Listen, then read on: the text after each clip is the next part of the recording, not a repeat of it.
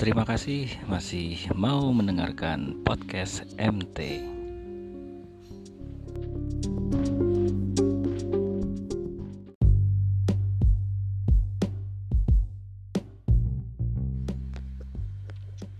Ya, kali ini saya akan bicara tentang teriak merdeka.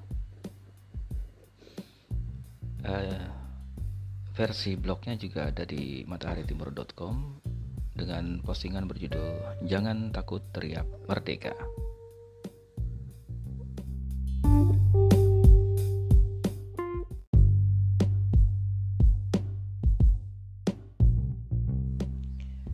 Beberapa hari yang lalu uh, tersebar di media sosial dan saya juga dapat uh, videonya dari uh, layanan chatting tentang video anak muda yang ditangkap ketika mereka berteriak merdeka di sebuah kantor resmi.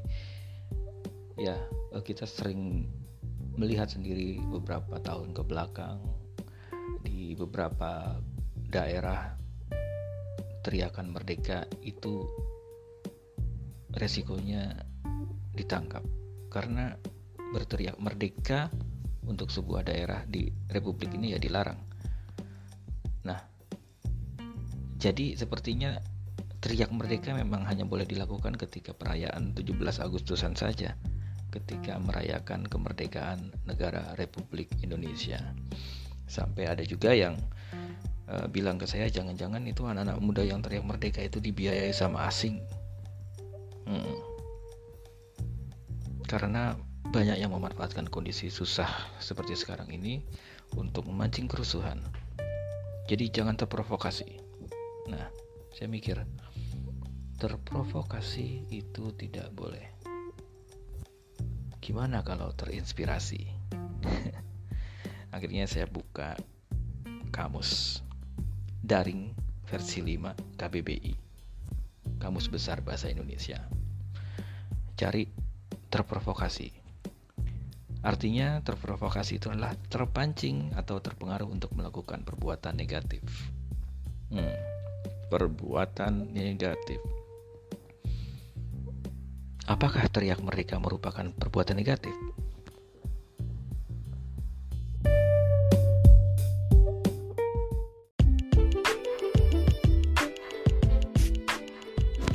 sebentar saya mau ngopi dulu. Oh iya kalau kamu pengen ngopi cari aja di Tokopedia. Ada toko yang namanya Seduh Sedih. Di situ tersedia drip bag coffee yang tinggal seduh. Enak sekali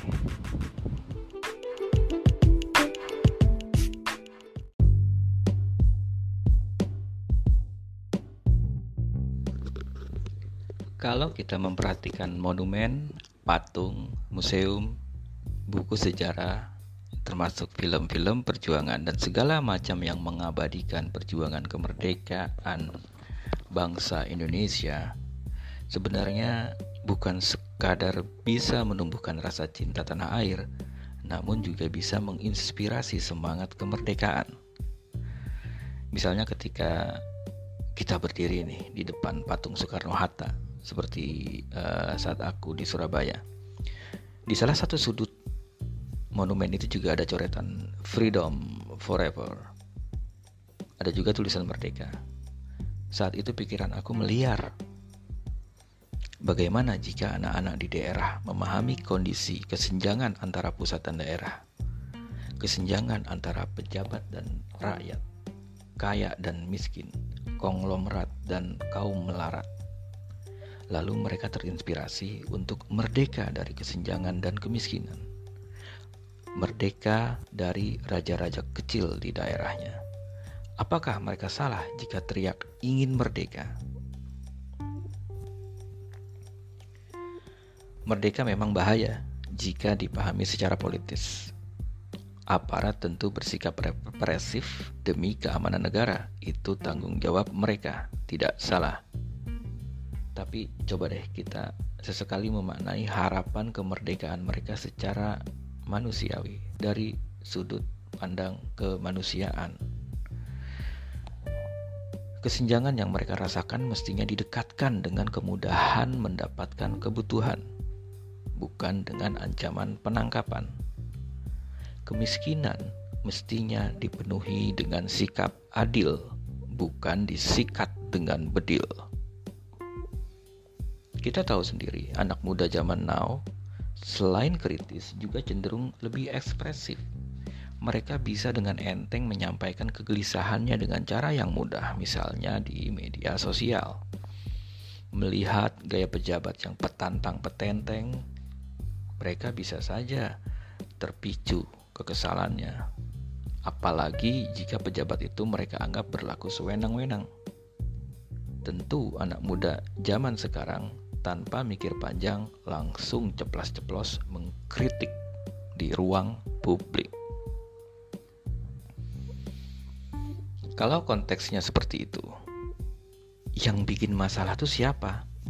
Anak muda yang kritis atau pejabat yang kebanyakan laga? Nah, di sinilah mestinya kita meluruskan kekeliruan dalam menyikapi kritik. Jangan tangkap mereka yang terpicu atau terprovokasi ulah pejabat, tapi tangkap provokatornya. Kan biasanya gitu standar pengamanan. Kalau kita lagi demo nih, lalu ada yang memprovokasi, bukan sekadar yang terprovokasi nih yang diamankan, tapi provokatornya yang harus ditangkap. Nah, sebab apa? Provokator itu lebih bahaya ketimbang yang terprovokasi.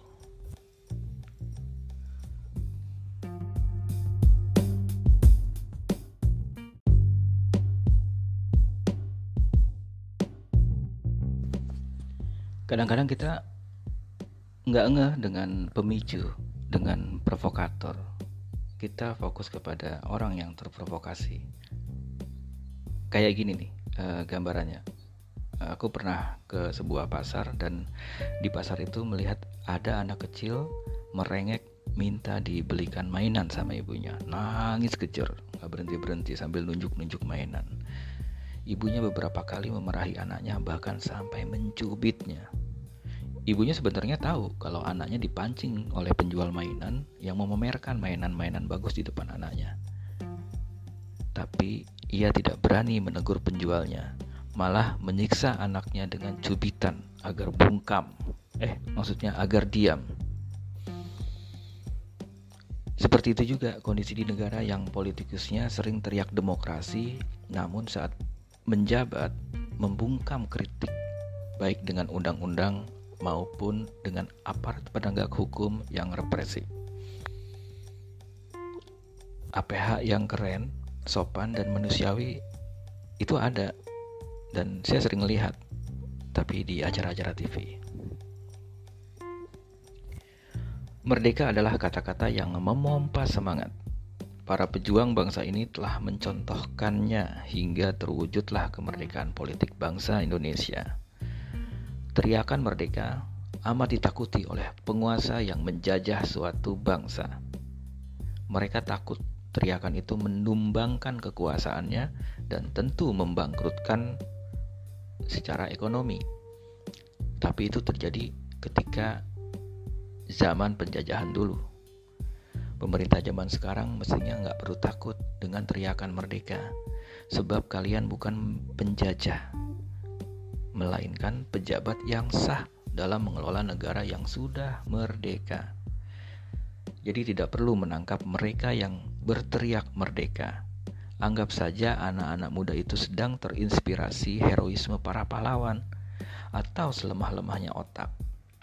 Anggap teriakan mereka sebagai kritik atas laku para pejabat yang tak pernah tahu bagaimana membuat rakyatnya dekat dengan mereka tak pernah sadar bahwa makin lama rakyatnya makin cerdas dan kritis terhadap pejabat yang senang membodohi rakyatnya.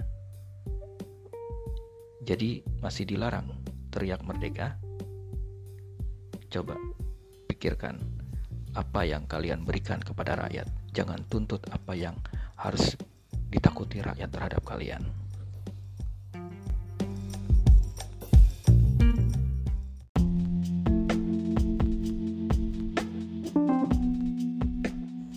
Terima kasih buat teman-teman yang masih mendengarkan podcast MT. Kita Berjumpa lagi nanti di episode yang selanjutnya. Bye.